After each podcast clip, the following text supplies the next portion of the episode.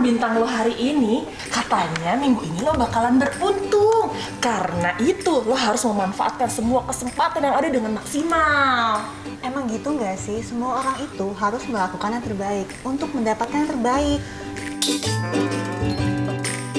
Duh, nih tapi ada satu lagi soal asmara nih. Katanya nih, si Doi bakalan ketemu orang tua lo di rumah. Jadi nih bakal masuk ke jenjang serius. Wah, Ara, gue jomblo. Ah, susah sama Sagitarius nih.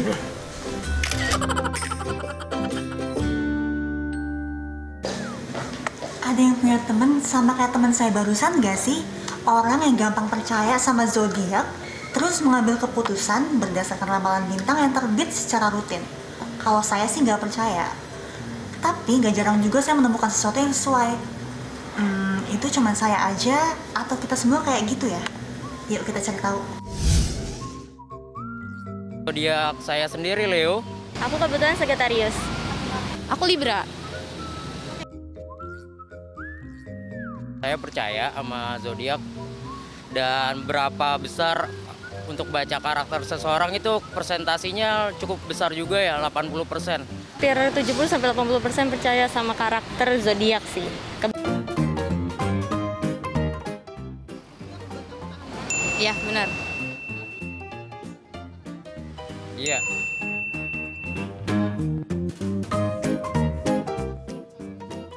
Iya. Betul banget. Ah, betul. Iya, benar. Iya. Wow, survei membuktikan ternyata masih banyak orang yang percaya sama yang namanya zodiak. Baik untuk membaca karakter hingga memprediksi masa depan. Mulai dari ramalan karir, kondisi keuangan sampai urusan asmara.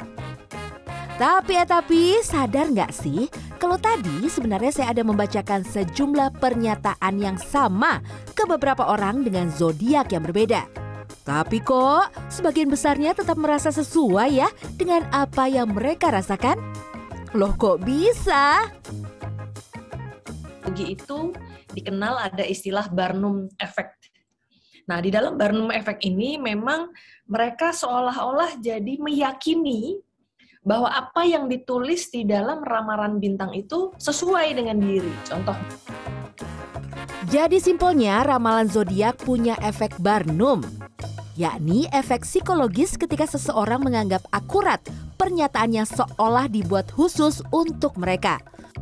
Padahal pernyataan itu bersifat umum dan bisa saja terjadi pada semua orang.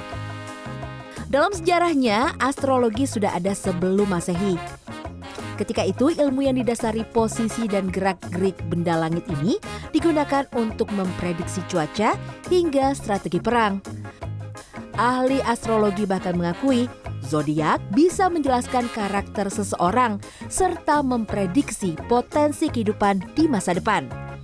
Tapi realisasi dari ramalan zodiak disebut tidak 100% akurat, tergantung tindakan si individu itu sendiri.